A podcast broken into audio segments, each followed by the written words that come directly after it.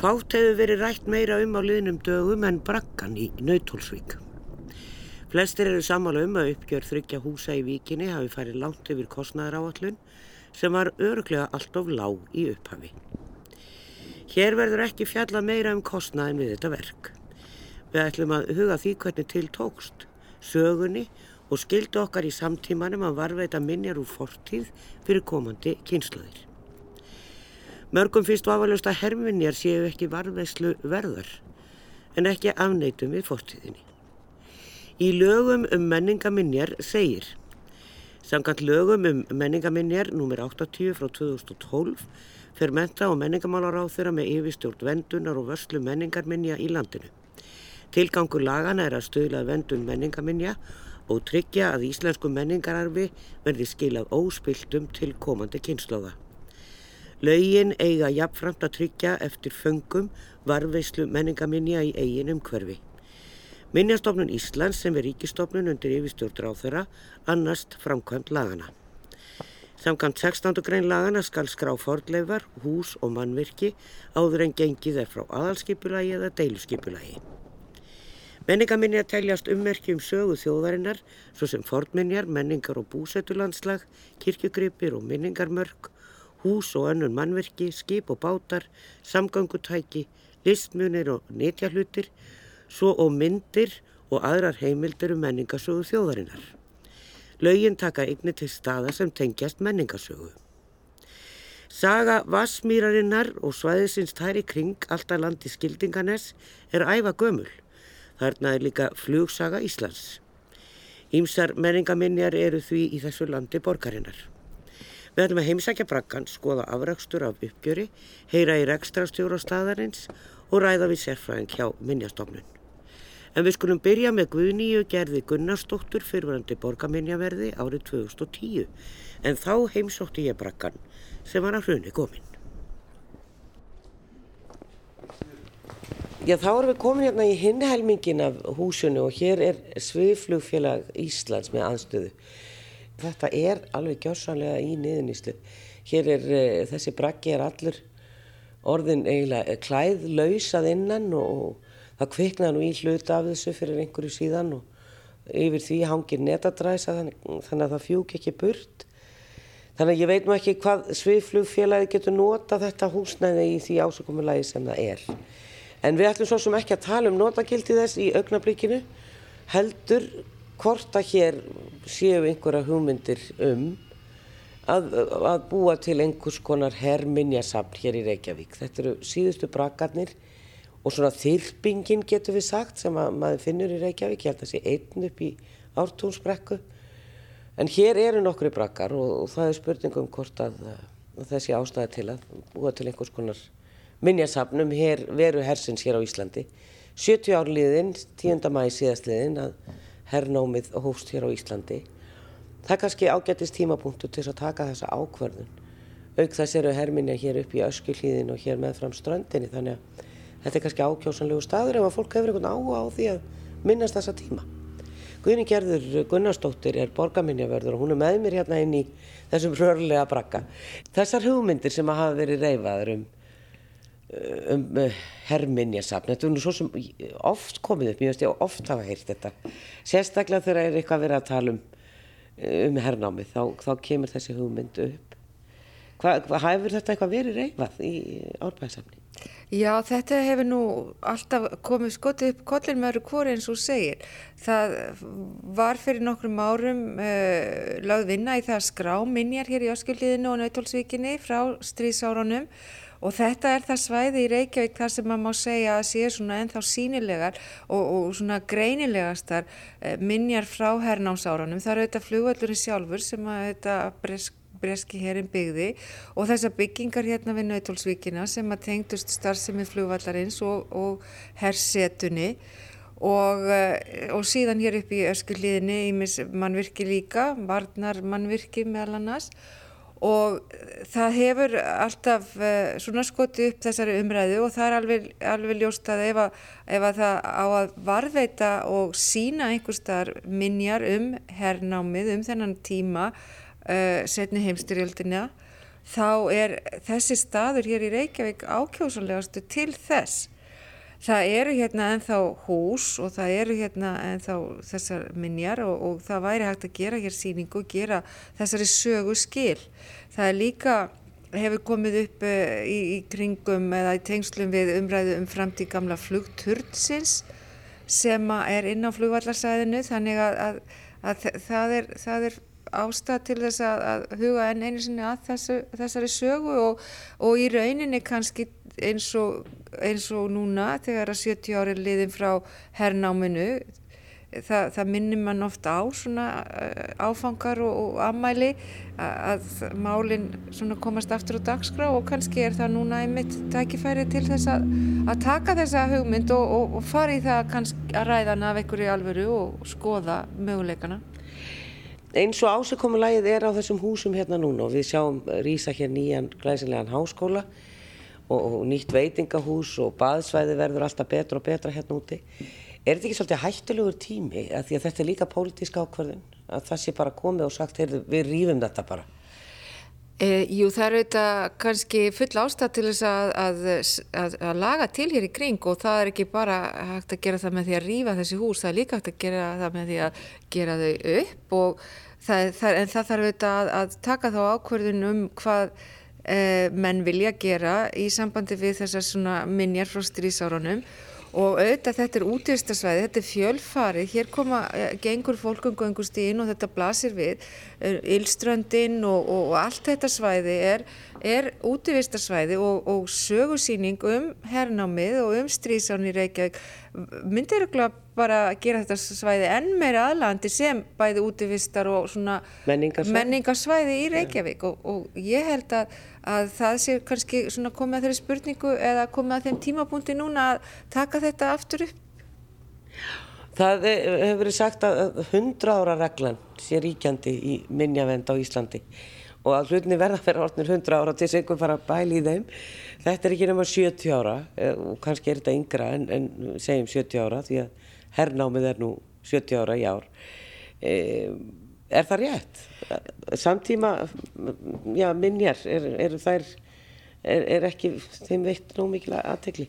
Nei, það er kannski stundum þannig að það sem er svona næst mann í tíma og sérstaklega að tala um sko að það sem að mann segin kynnslóð mann og þekkir, það sé ekki í hugum svona fólks orðið að minnjum en, en þessi tími, setni heimstyrjöldin hér á Íslandi og í Reykjavík, er auðvitað tími sem að, að, að er svona sögulega mjög merkilegur. Hann, á þessum tíma þá í rauninni gerbreyttist Íslands samfélag og uh, við, við í rauninni held ég sem bara komin að því tímapunkt að vera að taka afstöð til þess með hvað hætti við viljum segja frá þessum tíma. Því nú eru þetta vaksnar og grasi kynnslóðir sem að mun ekki þennan tíma og vita kannski ekki mikið og ég held að það sé mjög mikilvægt að, að þessum þætti í sögur Reykjavíkur sé gefin góðimur og að þessi saga sé gerð sínilega með einhverjum hætti. Það má kannski segja að Íslandingar hafa farið inn í nútíman eftir stríð þannig að þetta hafði náttúrulega gríðarlega áhrif á, á þjóðina þegar að herin kom hér og allir sem því breytti bæði með atvinnum tækifærum og öðru þó að það sé náttúrulega engan veginn kostur að að mesta atvinnu uppbyggingin kom í gegnum einhvern neður, allavega ekki að mínum mati. En svona var þetta nú. E, þannig að það er, verður spennand að sjá hvort að þetta verður gert hér. En þegar við horfum á þetta, þessi hús svona og, og maður sér hvernig þau eru ásik, hvaða ásökkomulagi þau eru, það eru skára hjá broka í því að það eru nú alltaf menn á ferðinni og, og börn og þannig að það er nú dittað að og, og tekið til og, og svona. Þetta er greinlega bara ef reyngin komið hér inn í, í langan tíma getið ímynda mér. Hinnum einn sáum við þennan fallega arinn sem eru nú minnjar frá þessu hóteli sem var hér. Og sagt að Sjörsel hafi setið þarna og rykt sinn vindil og drukkið viski þó menn, mönnum byrja alls ekki saman um að það hefur verið þarna. Og þetta hefur verið byggt löngu eftir að hann var hér. En eh, hvernig er, það er náttúrulega til ljósmyndir og annað hlýtur að vera því að hér var officeraklúpur og þetta hlýtur að vera til einhver stað Já, eru til auðvitað heimildir svona ymsart gerðir heimilda og, og þegar að hús hefur eins og þetta núna þessi brakki hefur svona verið já, illa hýrtur í nokkur tíma þá þetta lítur hann ekki vel út. En það, nú, það má nú alltaf sko gera við hús og það er nú stundur sínt sig að, að hús sem að, að hafa kannski ekki verið augnaðind í lengri tíma geta bara orðið það ef einhverju tekur sér til og fyrir að hugsa vel um þau. Og þessi, þessi brakkar eru þetta eitt af því sem er svona einkenni má segja eh, herrnámsins og stríðsárana og það sem að reykvikingar svo erðu í rauninni frá hernum og stór íbúða hverfi í brakkakverfunum eftir stríð, stríð eru þetta e, eitt af því sem að svona við munum sem okkar allavega þeir sem eru orðin svona nokkuð gömur og eitt, það eru þetta bæði þá þessi húsakinni, það er staðurinn og það er í rauninni svona tengslinn við flugvellin sem er hér ennþá. Nú ef að hann hverfur þá þetta kannski er horfið svona það sem er sínilegustu minjarnar um, um þennan tíma og þess vegna í rauninni kannski ennþá nöðsilegra að hafa eitthvað stað hér þar sem hægt er að segja þessa sögu.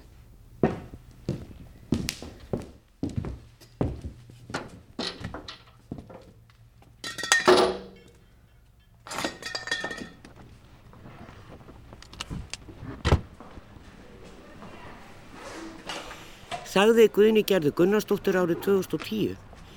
Ekki verður herminjasafn í húsunum en það stendur til að mér skilst að hafa góðar upplýsingar um það sem var í húsunum hér áður fyrr. Í útgefinni skýslu borgarsögursaps frá 2013 segir um braggabygðina í Nautorsvík. Þá reysu á því svæði sem hér eftir umfjöldunar hundruð bragga og var braggabygðin einna þjættust vestan í öskjuhlýðinni og út með fósfóinum. Nokkrir brakkar standa enn við rætur öskjuhlýðar og einn með gamla flugturnin. Einnig er hluta af fluttningsbúðum eða transitkamp að finna í Nautólsvík. Á stríðsárunum hýstu búðurna flugmenn og aðra sem áttu leiðum Reykjavíku flugvell en eftir stríð var það starrakt flughótel á vegum flugmálastjórnar um margra ára skeið. Þá eru öll stærstu flugskílinn sem nú standa á Reykjavíku flugvelli frá tíma setuliðsins. Nú, eða sem sagt 2013, hefur nær allt lauslegt frá stríðsárunum verið fjarlægt af rannsóknarsvæðinu eða orðið riði að bráð. Á það einnig við um gattavýrskýrðingar og sandpokavíi, tilvittnu líkur. Við fáum Pálvaf Bjarnason arkitekt með okkur í heimsókn í brakkan og skoðum hvernig hefur tekist til við uppgjur hans. Já, þá erum við komin hérna í þennan blessa fræga brakka í Nautólsvíkinni sem að þetta er nú mörg hús, þetta er ekkert bara eitt brakki. Það eru mörg hús hérna, það er búið að stoppa reyndar uppgjör á, á hluta af þessu. Þá sögum það ekki við öll en, og ætlum svo sem ekkert að ræða það við ætlum að skoða aðeins hvernig þetta lítur út í dag. Því eins og við heyrðum á þann þá var þetta í algjörði niðurnýstu þegar ég kom hér með Guðni í gerði og það var bara sorglegt að sjá. Hér er ekki herminjasafn en hér verður minnst þó hersetu á skjöldum og öðru svona, e, þannig að fólk getur lesið sér til. Svo er nú ennþá lifandi fólk sem mann vel eftir því að hér var rekstur, hér var hótel, hótel Winston og hótel Ritz hérna svo. En e, núna er þetta áður veitingastæður hér, þessi braggi og þetta er eiginlega stúndakjallari háskólans í Reykjavík og hér eru svona bekkir með fram uh, undir þakkinu með fram uh, sitt hverju megin og stólar á móti og borð og, og bar hérna við endan og svo er náttúrulega stærðar eldús er þetta borða hérna og annað. Og síðan er vinnu aðstafa hér sem að reyndar er önnur en átt að vera í upphafi en að því að þetta blessaða náðhús sem er eins og það kallað sem er nú bara stór salur og átt að vera vinnurými og svona frumkvölasettur að það eh, er stopp í byli uppgjör á því en það er svona spurning hvort að það borgir sig vilt að vera að stoppa þetta þegar þetta er komið þetta langt. Pállvaf Bjarnason, arkitekt, hefur unnið mikið með árbæðasafninu gegnum tíðina og ég fekk hann með mér hérna til þess að skoða eins. Hvernig líst þér á að koma hérna inn? Sko þetta er, þetta er náttúrulega allt mjög fínt og vel gert, vel hann og vel unnið um, og, og náttúrulega búið að ef maður mætti segja sem svo poppa braggan hansi vel upp. Hann er ekki eh, eins og hann var í gamla daga þegar að hermuninni voru hérna. Nei. Eh, það er að segja, það er náttúrulega hér er veitingarekstur og, og það er alltaf aðra kröfur í dag heldur en voru þá um einangrun, um alls konar hluti, eldvarnir og ég veit ekki hvað og hvað.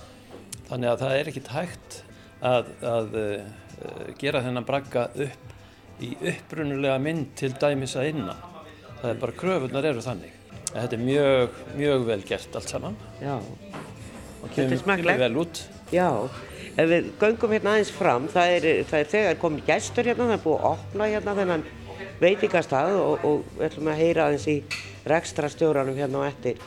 En e, þegar maður kemur hérna, svona þannig að við erum eiginlega komin inn þegar þar sem að við komum og þá er hérna ingangur inn ofan að og hér eru er klósett og, og hér fyrir utan er þetta blessaða náðhús sem var nú komið eitthvað á veg að gera upp.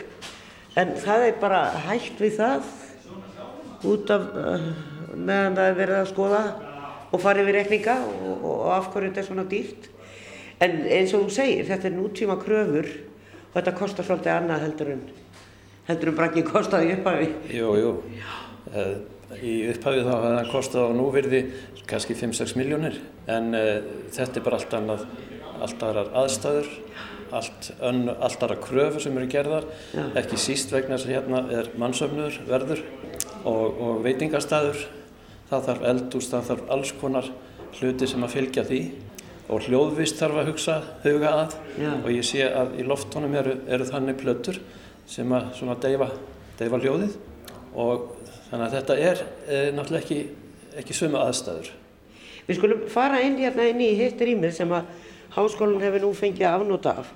Því að e, eins og kom fram, náðhúsið er í kvíld og hér sagt, fer maður út, kemur þá á milli þessara húsa úr brakkanum og inn í þetta hús hérna fyrir aftan sem að var hlut af hótelinu. Og hér er búið að gera út, lóðina náttúrulega allaveg upp og hægt að setjast hérna út og horfa yfir Nautalsvíkina og eh, þegar viðrætti þess er ansi blött í dag. En hér er stór salur líka og það er eins hérna þessar hljóðdempandi plötur hér í loftinu. Þetta er núna svona fundars og vinnurými háskólastunda sem var orðið vist mikið þörf fyrir að mér skilst. Þessi bitar hérna þetta eru upprunalegt að mér skilst Þeir eru upprunalegir, þeir, þeir hafa verið styrtir með nýju stálið á samskeitum og, eh, en, en virka mjög gamalt samt. Þannig að, að hérna, e, þetta er mjög skemmtilegt að hafa þetta svona sínilegt og ekki lokaða af.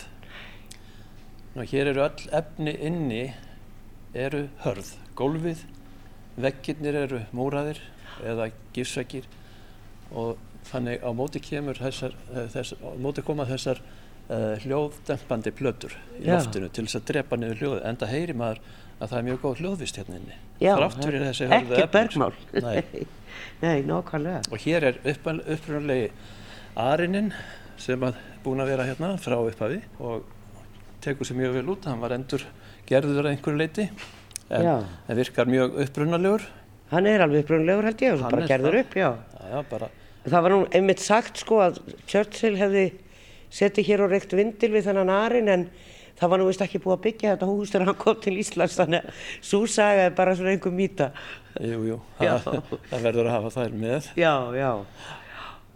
En hann er skemmtilegur og er nótæfur og þetta er ekkit frat, það er hægt að kveiki upp í honum. Já, já. Já.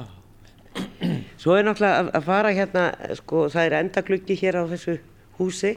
Þetta er ekki braggi, þetta er bara hús og... E þá horfum maður hérna beintnir í Nauthólsvík sem er bara náttúrulega alveg dásalegt útsýni hérna yfir Ílströndina og Kvítarsandinn og þetta er fallegu staður hér í húsinu. Mjög fallegu staður. Þessi eh, útsýnisgluggi hérna ég kannast nú ekki við að hann hafi verið hérna áður, hann er ábyggilega nýr á þessi vitið það. En hann fer afskaplega vel hérna og, og uh, nýtur sín, nýtur sín uh, bara inn í þessum fallega sál og útsýnin náttúrulega óborgarlegt.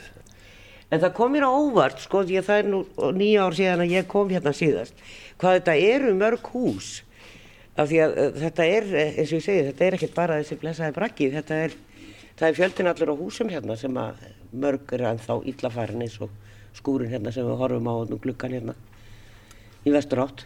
Já, já. Þetta eru náttúrulega allt leifar frá hernum eh, og uh, hafa verið nýttar uh, eftir það í, til sem geimslur og, og bátaskíli og guð má vita hvað.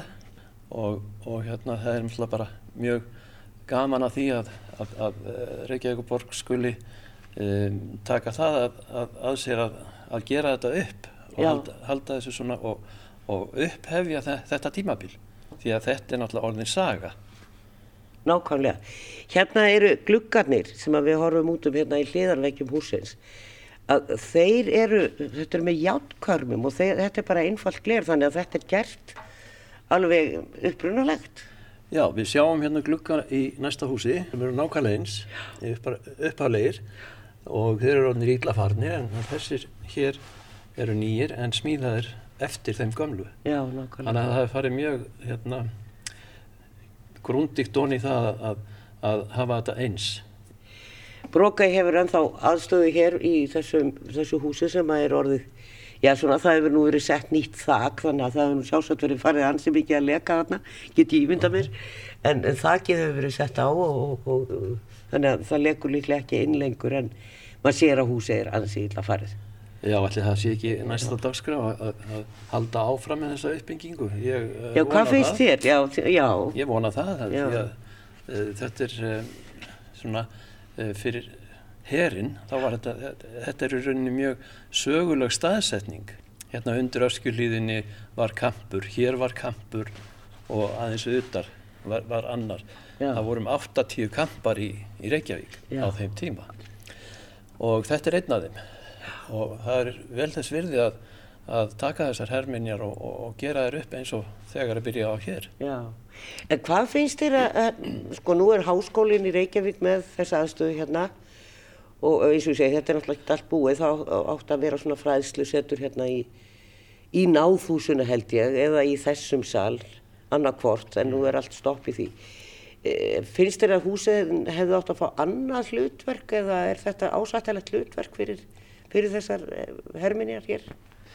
Mér finnst að uh, þetta sé bara mjög ásættanlegt að háskólinn sem er hérna nágranni, hann hafi aðstöðu hér. Já. Það verður að tryggja svona minnjum uh, eitthvert notagildi til þess að þau lefi og þetta er bara uh, að mín áldi mjög, mjög heppileg starfsemi sem fyrir hérna fram. Það verður að vera líf í húsunum? Já. Já. Já, okkur líst allavega báðum mjög vel á þetta og eins og ég segi það, það er skemmtilega að koma í Nautalsvíkina eh, með þetta uppgert heldur en var þegar þetta var allt saman að hruni komið hérna og leita alveg ræðilega út og svo var maður með þessa fínu baðstöðu hérna fyrir neðan og búið að ganga frá öllu þar og þá einhvern veginn passaði þetta ekki saman. Einmitt, en, en þarna þegar verður búið að gera upp, ég sé það fyrir mér, hinn húsi hérna í kring, það eru fleiri braggar hérna og, og tveir hérna aðeins auðar að þá er þetta mjög svona skemmtileg heldarmynd og, og skemmtilegar minjar um eh, um stríðið, um eh, her, hersetuna. Og uh, bara mjög hæf, við, við hæfi að, að gera þetta upp og halda upp á þetta og, og sérstaklega tryggja því einhverja framtíð, einhverja nýtingu. Og hvað betra heldur en að, að háskólinni Reykjavík nýti þetta? Eh, braggi er ekki bara braggi, það er, eh, sko, þeir voru mismunandi, braggar bretta og bandaríkjumanna. Líklega er þessi breskur, eða það telur þú? Ég tel þetta allavega eh, samkvæmt eh, formuna á braggarum, þá er þetta breskur braggi.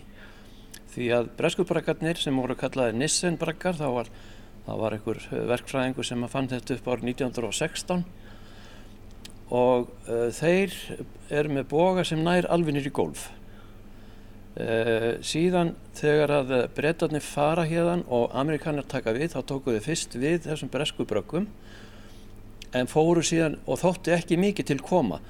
En þeir fóru síðan að endurbæta þá og hanna nýja brakka sem að voru með svona já, portveggjum sem að kalla þeir eru. Þá var svona metis hár veggur uh, áður en bógin byrjaði á hliðunum.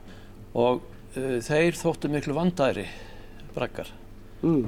en, og, og þeir voru kallaðir koncept braggar því að eh, eftir einhverju herstöð í bandaríkjunum. Já, já, en eigum við eitthvað, er eitthvað svoleiðis braggum hér eða, eða eru þeir allir, er þetta allt bara breski braggar sem eru hérna eftir? Sko við erum, það eru braggar út um allt land. Því að eftir stríðið þá var þetta selt upp til sveita, nota sem geimslur eða, eða Hlöður? Hlöður, fjárhús eða hvaðan útihús Já. og það er bara alveg, þegar maður keirir um landi þá er þetta sitt á hvað, amerískir eða breskir og e, það er mjög mismunandi en e, þeir braggar sem ég sé hérna í kring, mér sýnist þeir vera breskir, Nissen braggar. Sagði Pál Vaff Bjarnason arkitekt. Í vefuriti nafnfræði félagsins undir hatti stofnunar Árna Magnússonar segir Kamparnir eða braggakverfin í Reykjavík urðum 80 talsins en hverfanöfnin um 100 þar sem skipt var um nöfn á sumum kampum og það oftan en einu sinni í einstaka tilfellum. Hér verður aðeins drepið á nokkur þessara nafna og getið uppruna þeirra. Aug þess verður aðeins getuð um ennsk og bandarísk götu og staðarheiti í og við Reykjavík frá sama tímabili, það er 1940-1945. Þetta er margt að fræðast um, en um hverfin í Nautólsvík segir Flugdeild landhessins US Army Air Force nefndi nokkra af sínum kömpum og flugvöllum eftir flugmönnum sem látist hafðu af slísferum. Meeks Camp var við Meeks Field sem setna hlaut nafnið Keflavíkuflugvallur. Kampurinn og flugvallurinn var kallaður eftir fyrsta bandaríska herrflugmanninum sem fóst á Íslandi, George Meeks. Það gerist fyrir hádegi 19. ágúst 1941. George Meeks var að koma á orustuflugvelsinni inn til lendingar á Reykjavíkuflugvelli frá norðri. Herrmaður mun hafa hjólað út á flugbrautina og flugmaðurinn þá fengi merkjum að taka upp aftur. Hann var í láflugi. Í stað þess að halda áfram í beinni stefnu eftir brautinni þá beði hann til vinstri með þeim afleðingum að hann flög á loftnets výrstreng sem var strengtur millir tvekja mastra. Annað mastri brotnaði og hluti af öðrum vang vélarinnar. Výrdræsa vaðust um skrúu vélarinnar og hún stiftist stjórnlaus í skerjafjörðin við Nautólsvík. Flugmaðurinn mun hafa látist samstundis. Eitt undarlegasta nafn á brakakverfi sem hér var var Quit Your Belly Aching sem mun þýða hættu þessu nöldri. Þessi kampur tilherði flugdeild bandariska sjóhersins og var staðsettu við Nautórsvík. Yfirmaður flugdeildarinnar Dan Gallery Kaftin var um margt sérstakum maður en nafngift kampsins er hans. Hann var frægur fyrir stjórn á tökku Þísks kafbáts U-505 4. júni 1944 en þá var hann kafteinn á flugmáðuskipinu USS Guadalcanal. U-505 er nú síningagripur í Chicago. Dan Gallery var síðar aðmiról. Eftir heimsturjöldina skrifaði okkar greinar í Saturday Evening Post um reynslu sína á strísárunum meðal annars um döl sína á Íslandi. Það er ekki hægt að segja að hann hafi skrifað neitt í ákvættu landið eða döluna hér. Tilvetnu líkur og við látum það líka millir hluta. Við skulum heilsa aðeins upp á vertin hér í brakkanum.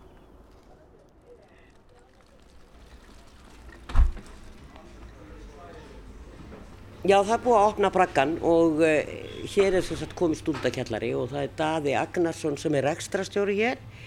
Það var búið að opna og svo að loka og svo búið að opna aftur, er það ekki rétt hjá mér? Nei, sko, uh, ekki alveg, en uh, sem sagt við sem sagt opniðum hérna brakkan bara á Bistró uh, sem sagt í lók júni núna í sumar. Já, já. og ætliðum nú reyndar að opna aðeins fyrr en voru svona tafir á, á loka metrónum sem er svo sem kannski ekkit óðurlegt koma sumafri inn í og annað.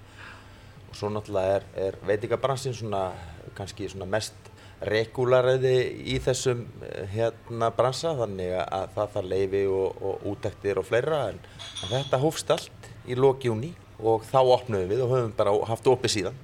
Og eru, sko þú varst að segja mér að það er, kom fólk hérna til þín í sumar sem að sko áttu minningar hérna úr, frá því gamla dag, brúðkaup og annað. Algjörlega, við höfum fengið mjög mikið af fólki uh, í heimsók til okkar og hérna minnist þetta sérstaklega þegar ég fekk hérna tvær konur á, á besta aldri í hátdegismatt bara núna um daginn og, og, og hérna þær tjáða mig það að, að þær hefði verið brúðköpi hérna 1950 og þá 6 ára gamlar. Já. og uh, sem sagt í brúðköpi hjá konu sem er í dag 94 ára.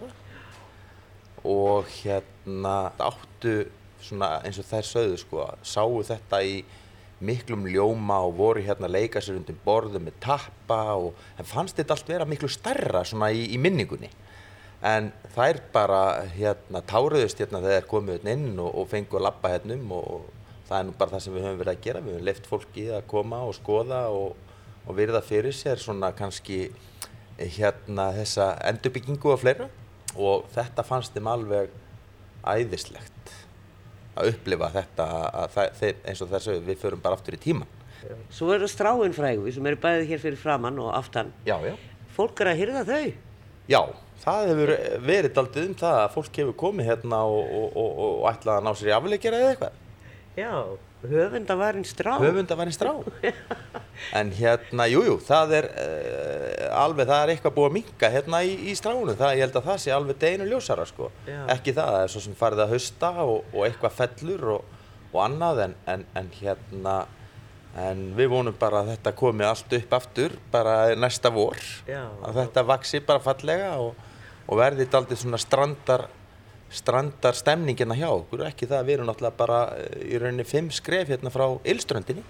Og þetta er náttúrulega bara sem, sagt, sem ég hugsaði þetta alltaf þetta er bara eitt stórt fallegt útivista svæði Segðu mér, eh, sko það er hægt við, eh, eða stoppa á náðhúsi þarna eins og það er kallað, sem að margir held að væri bara klósett, en þetta er alltaf stærðarinn að salur sem átt að gera upp. Er þú rekstraraðali að þessu öllu saman og hérna eru pláss fyrir háskólastúnda vinnuherbyggi Já. sem að, en þannig að það, það er ekki allir staðið konum með sitt rétta hlutverk eins og... Nei, það má vel að segja það að þegar við opnum hérna í lok júni að þá var það sem var tilbúið var sem sagt bragginn og eldúsið og náttúrulega allt sem tengist því en uh, svo er í rauninni uh, setur, hérna sambyggt setur, steinhús, stórt sem er uh, sem sagt hugsað fyrir nefendur háskólans í Reykjavík og háskólinn er með umsjón með því húsnæði en náðhúsið svo kallaða sem er þetta gamla uh, salerni Já. sem var notað hérna í, í, í stríðslokk og, og sem partur af, af Hotel Winston og Hotel Ritz síðar að það er raunni uh, verkefni sem að er stopp Já, en þetta er verið svakalega stórt klósett. Já, en hérna náttúrulega voru fleiri hundru manns uh, sem, að byggu hér. Og byggðin, þessi brakka byggð nær náttúrulega, náðir náttúrulega inn á flugbröðir uh, sem, sagt, sem í dag eru flugbröðir, þessi austurbröð og þetta var allt yfirbyggt. Og loft, loftmyndir frá þessum tíma, 1945 sína er rauninni þess að rosalega þéttu brakka byggð þannig að, að, að brakkasvæðirinn var allt yfirbyggt og salernin sem að voru þá notuð sem sagt fyrir, fyrir alla þessa brakka hefðu vantarlega sko rúmað einhvers staðar í kringum 50-60 manns að pissa á sama tíma Já, þannig að þetta En er engin, engin venjuleg salerni sko. en núna sem sagt er meiningin að þetta, eða svona í framtíðinni, að þetta verði aðstæða fyrir stúdenda. En s- í staðin eru stúdendi konur hérna inn í innra rými, hérna í húsinu, hérna á bakvið, Já, þar sem já. að arinin er. Já, En, en hvað er framtíðar hlutverk þess rýmis ef að, þegar- ef að hitt gengur eftir? uh, framtíðarhugsunin er, er svo að, að þarna sé aðstæða fyrir 30-40 starfsmenn á vegum háskólans uh, hluti af því eru þá nefendur sem eru að vinna í nýsköpunarverkefnum uh, að þetta sé svæði þá fyrir uh, sem er hugsað fyrir nefendur uh, kennara uh, gestakennara uh, skiptinema og fleira á vegum háskólans í Reykjavík Einn spurning að lokundaði, það er brútt brakki hérna fyrir ofan. Já.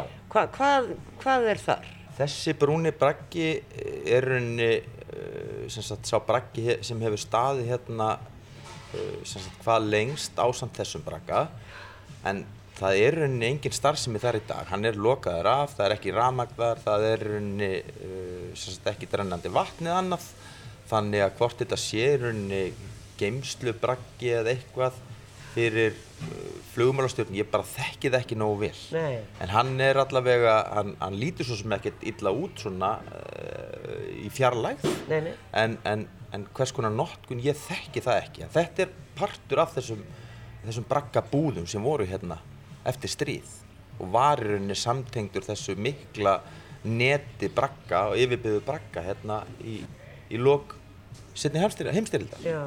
Þú ert nú búin að kynna þetta svolítið, heyri maður, þessa sögu hérna. Við vorum að ræða það ég og Páll að þetta væri líklega breskur braggi. Já, eh, það sem að gerist í rauninni er það að sem sagt þegar að bragginn og partur af þessu, þetta er í rauninni bland að þetta eru svona þessi svokvöldu böttler braggar en það sem að gerist í kringum 1945 er það að breski hérinn ábæra ekkert braggaefni eftir.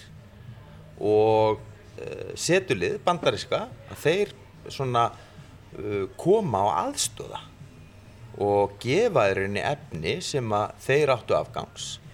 Þannig að þetta er rauninni sko blandaður braggi. Þannig að þetta er ekki 100% bresku braggi heldur hérna voru samkvæmt heimildum notað efni frá varnaliðinu, bandariska og partur af þessu er svona einhver samtíningur og hluti af þessu gamla efni er notað akkurat í útisvæðið en snýr hérna í hásöður og er svona uh, braggalaga setu útistofur. Mjög skemmtilegar og, og, og, og þessir fáu sumardagar sem við fengum í sumar að þá myndaðist alveg svakalegt logg hérna út í sveðinu og hérna uppliði fólk svona skemmtilega sumarstemningu inn í gömlum, gömlum bröggum, má segja. Sagði Daði Agnarsson rekstrarstjóri. Eitthvað þurfum við nú að býða eftir blíðu, en óneitanlega skemmtilega hannað út í sveði við brakkan í Nautorsvík. Við skulum næst líti heimsóknin í Sólheima, en þar býr Pétur Ármannsson byggingalistfræðingur upp á nýjundu hæð og okkur góðu kunnur, en Pétur er einnig sérfræðingur hjá Minjastofnun Íslands.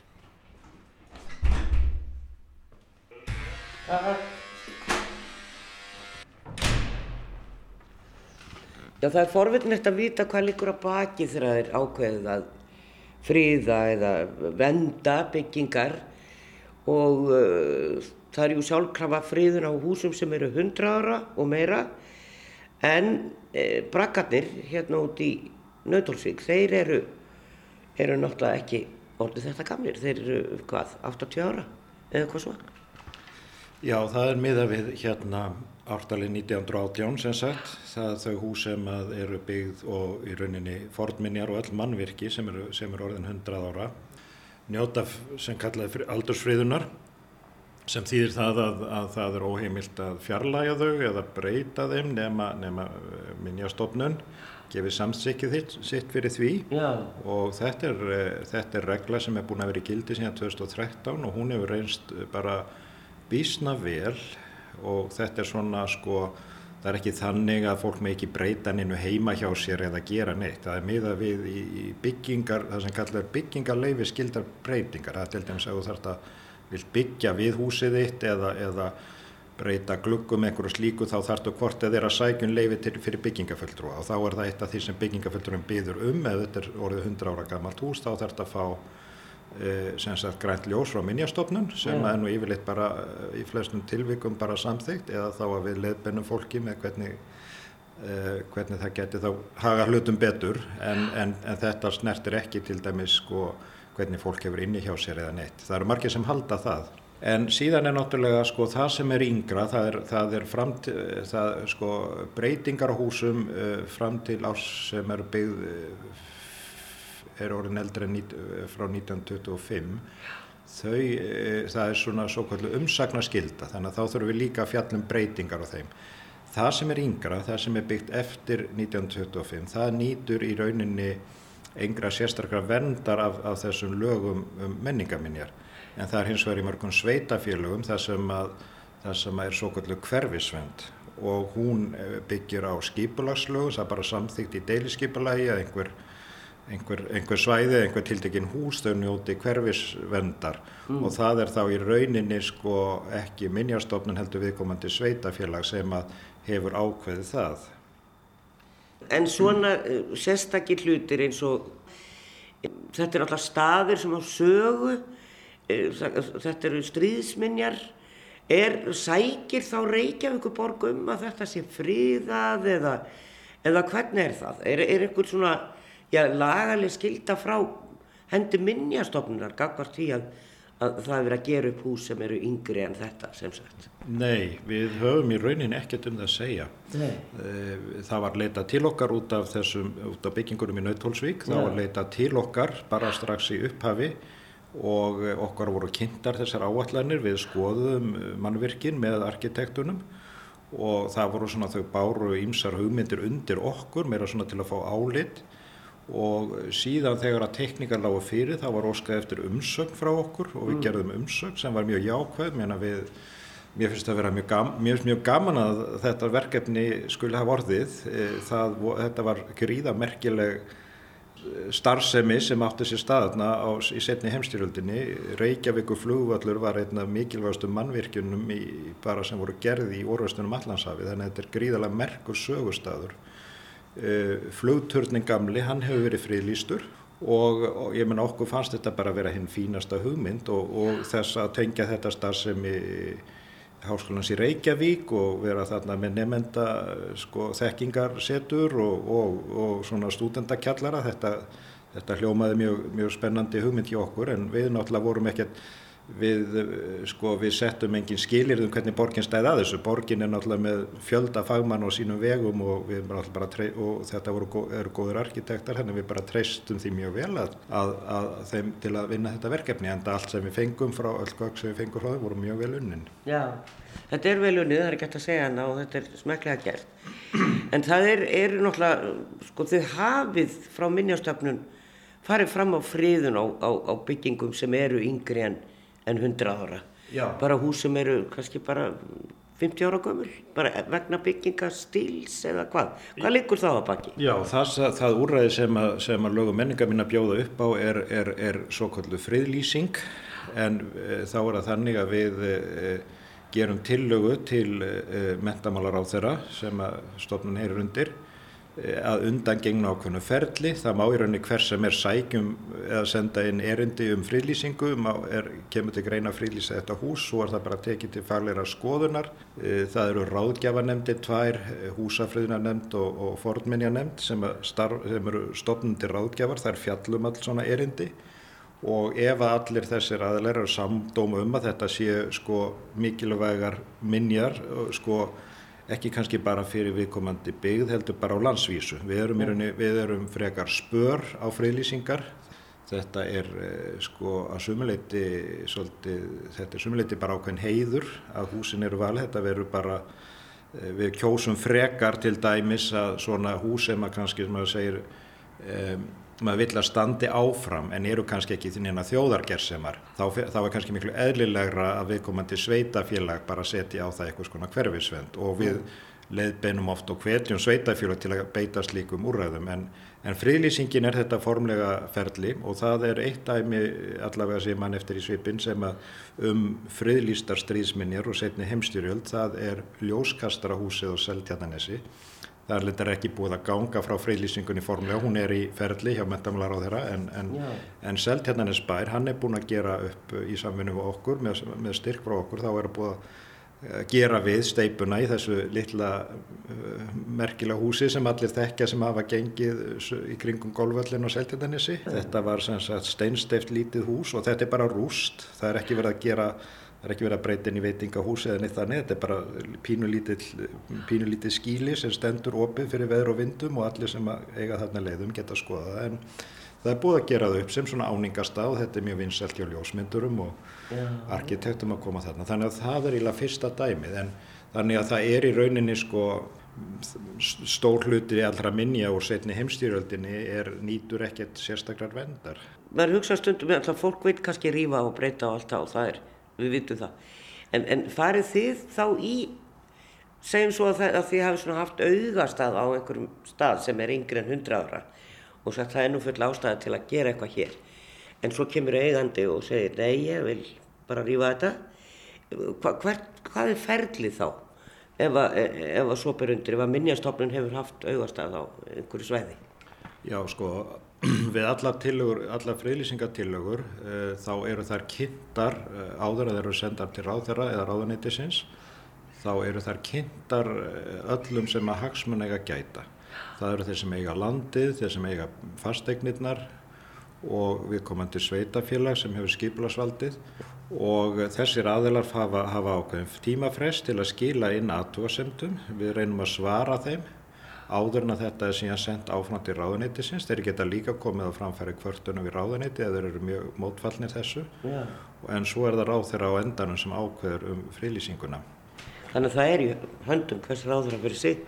Já, flest allar þær friðlýsingar sem að tillögur sem hafa verið á undanförnum árum hafa verið í sátt við eigandur og það er meira að segja þannig að oftast, og ég myndi segja í, í ansi mörgum tilvíkun þá er það bara eigendurni sjálfur sem óska eftir frið, að, að, að húsið þeirra sé friðlýst. Já. Við höfum dæmið það og, og í einu tilvíki var óskuð húsegandi eftir að það er bæði friðlýstað utan og innan sem er held ég einstæmi. Svo við hverjum aðeins aftur hérna í lokin í Nautalsvíkina. Eh, er það svo að minnjastofnun fari fram á að þarna því að þetta er sögulegt svæði eins og saðir á þann að, að, að setja upp einhvers konar sögskildi eða annað í kringum svona staði?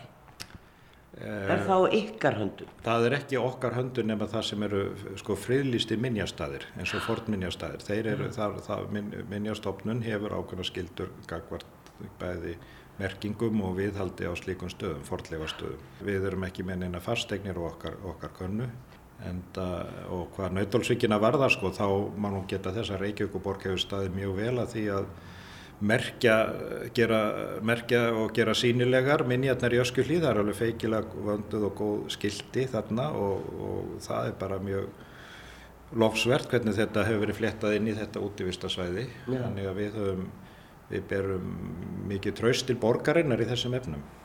Svo því sé til hagahaldið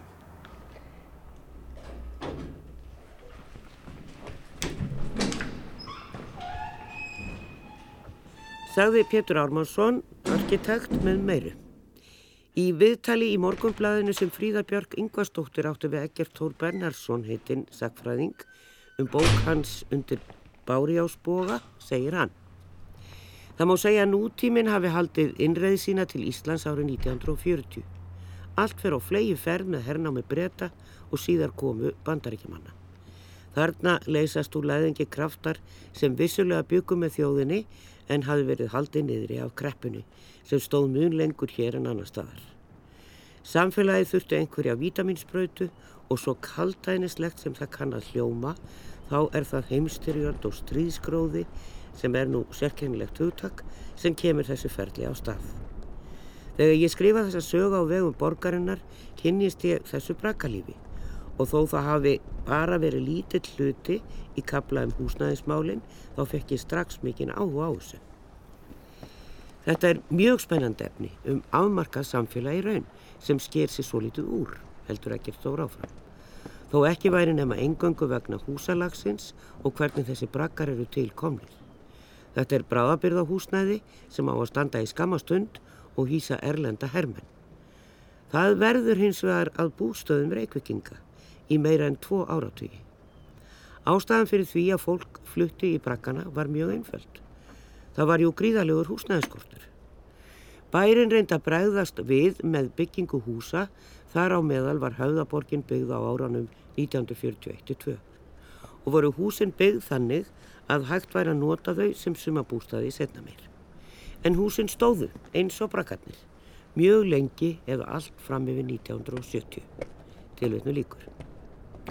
Já, svona hjælt lífið áfram í bröggunum hér í Reykjavík. Þeir eru fáir eftir. Og aldrei áttu Íslandingar held ég fasta búsættu í bragganum í Nautólsvík. Kanski eittu einhverjir brúköpsnóttinni á Hotel Winston eða Ritz. En hér segjum við stopp í dag. Verðið sæl.